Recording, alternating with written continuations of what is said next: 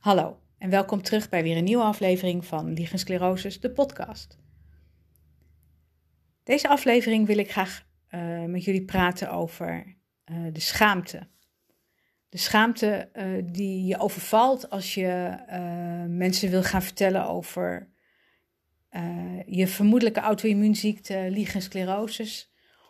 En als je moet gaan vertellen dat het een huidziekte is die op je genitaliën zit dat, dat het daar zit, maakt het heel lastig om te gaan vertellen hoe het met je gaat. Als mensen aan je vragen van hoe gaat het? En, en je hebt net een hele nacht slecht geslapen omdat je zoveel jeuk hebt gehad.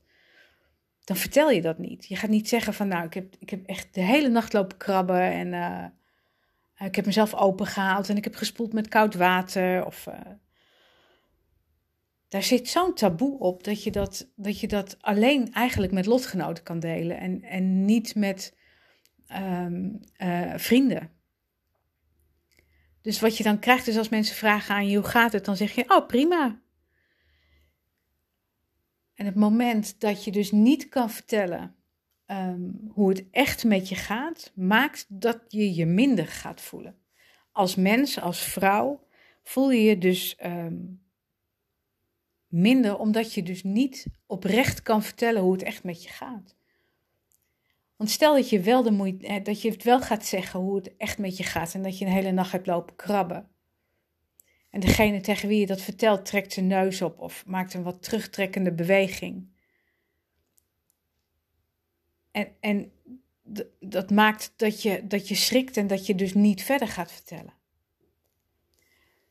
En dat maakt het zo oneerlijk omdat je dus niet je pijn en je verdriet kan delen met een ander. En dan krijg je dus de eenzaamheid. De eenzaamheid die, die liegensclerosis met, met zich meebrengt. Want als je niet kan delen hoe je je echt voelt, en dan kan je dus ook niet echt delen wie je bent. Want liegensclerosis is een onderdeel van wie je bent. En dat gedeelte mag dus dan niet over gepraat worden.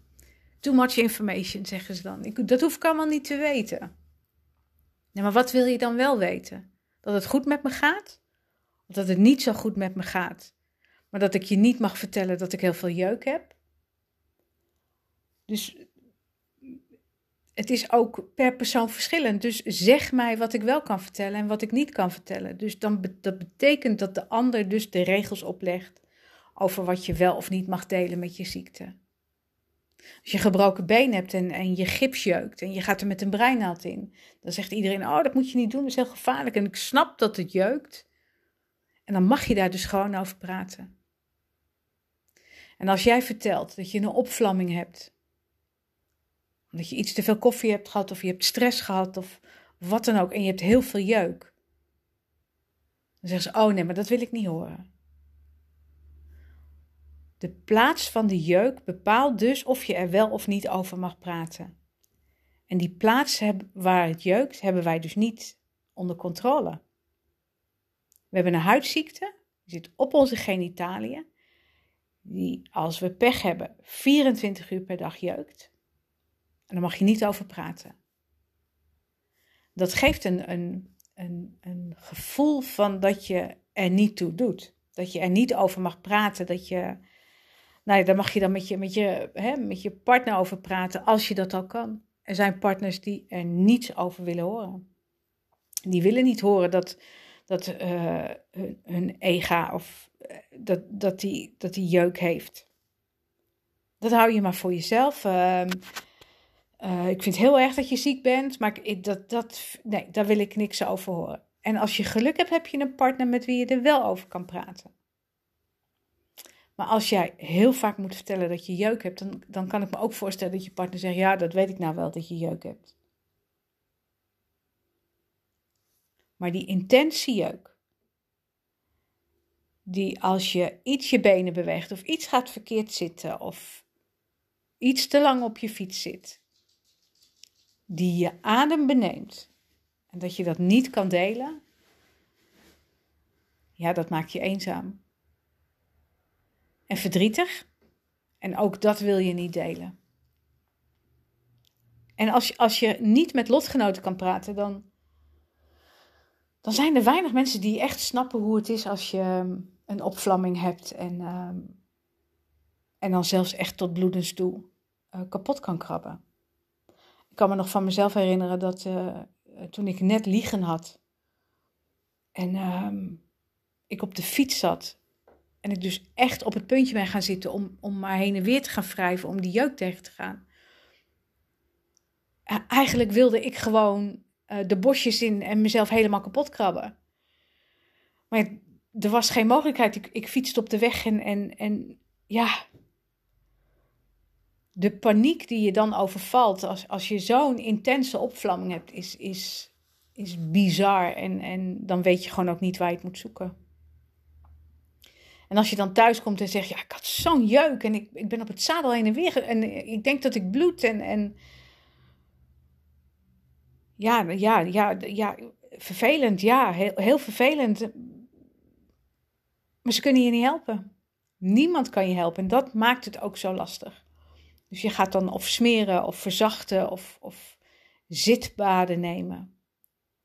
En inmiddels weet ik dat, uh, dat laseren een heleboel uh, jeuk kan weghalen. En, en dat is natuurlijk fantastisch, maar daar was in het begin nog helemaal geen sprake van. Toen wist ik nog niet dat je, dat je kon lezen. Dus dan, dan ben je dus alleen met je ziekte. En je, je zoekt ook allerlei manieren, uh, diepvrieszakjes. Uh, nou ja, ik heb van alles geprobeerd. En dan, dan, dan vertelde ik wel tegen vriendinnen dat ik, dat ik een slechte dag had of dat, ik, dat het jeukte. En, uh, en dan kreeg ik heel veel begrip. Maar dan toch, als ik op een verjaardag kwam of ik was ergens of uh, mensen vergeten dat je ziek bent. En dat is ook logisch, want je ziet het niet. Maar zelf kan je het niet vergeten. Want als je naar het toilet gaat of, of uh, je maakt een beweging, dan, dan, dan voel je het weer en dan word je er weer aan herinnerd. Ik kan me nog herinneren dat um, uh, ik iemand had leren kennen via internet en dat ik daar uh, op bezoek kwam. En ik moest naar het toilet en toen zei ze heel lief van, um, ik heb voor jou een fles water neergezet. Ehm, mocht je heel veel pijn hebben, dan kun je spoelen. Nou, dat vond ik echt zo lief en zo betrokken. En toen dacht ik, ja, als ik het niet tegen haar had gezegd, dan had er dus ook geen fles water uh, voor me klaargestaan. Dus de negatieve reacties vallen weg en vallen echt in het niet. Bij alle positieve reacties die ik heb gekregen op het feit, op, op het moment dat ik ging vertellen dat ik liegensclerose had. En ik snap best dat het een enorme stap is om, uh, om te blijven roepen dat je ziek bent en dat je liegen hebt. Maar um, de waardering en de validatie die je uiteindelijk krijgt, uh, dat, dat is enorm waardevol. Ik hoef het tegenwoordig ook niet meer te roepen, want de kring die ik om me heen heb, die weet het. En ja, die houden er rekening mee. En, en dan wordt het dus voor hen ook een soort van normaal. Maar dat, dat heb ik zelf moeten doen. Want als ik er zelf niet over ga praten en blijf roepen dat ik dat heb, dan wordt het nooit normaal. Dus de schaamte moeten we voorbij. En dat is echt heel moeilijk. En, en ik weet nog de eerste keren dat ik enorm heb staan hakkelen, dat ik tegen iemand zei: Ja, ik heb, uh, uh, ja, ja, ik ben ziek, ja,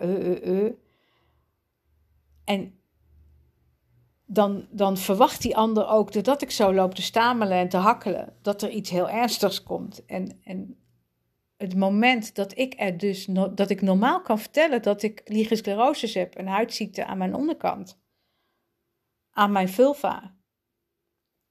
De, hoe normaler ik reageer, hoe normaler degene tegen wie ik het vertel kan reageren.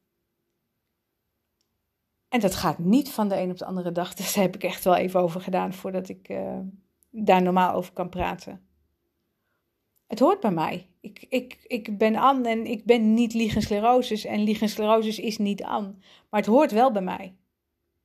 En het moment van acceptatie is uh, dat het ook kan inzinken. En dat ik er niet meer tegen hoef te vechten.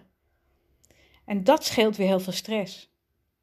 Want als, als we ergens voor moeten waken met onze auto-immuunziektes, dan, dan is het stress. Want stress triggert enorm.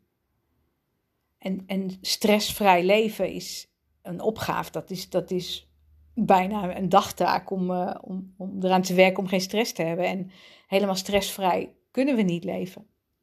Maar we kunnen het wel um, uh, een heel stuk elimineren. We kunnen een heel stuk uh, kwijtraken door onszelf te accepteren met onze liegen.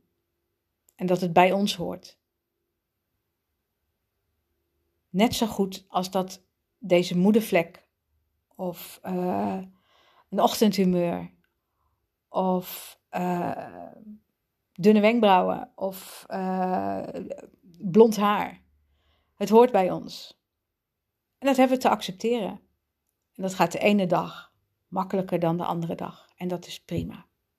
Heb jezelf lief.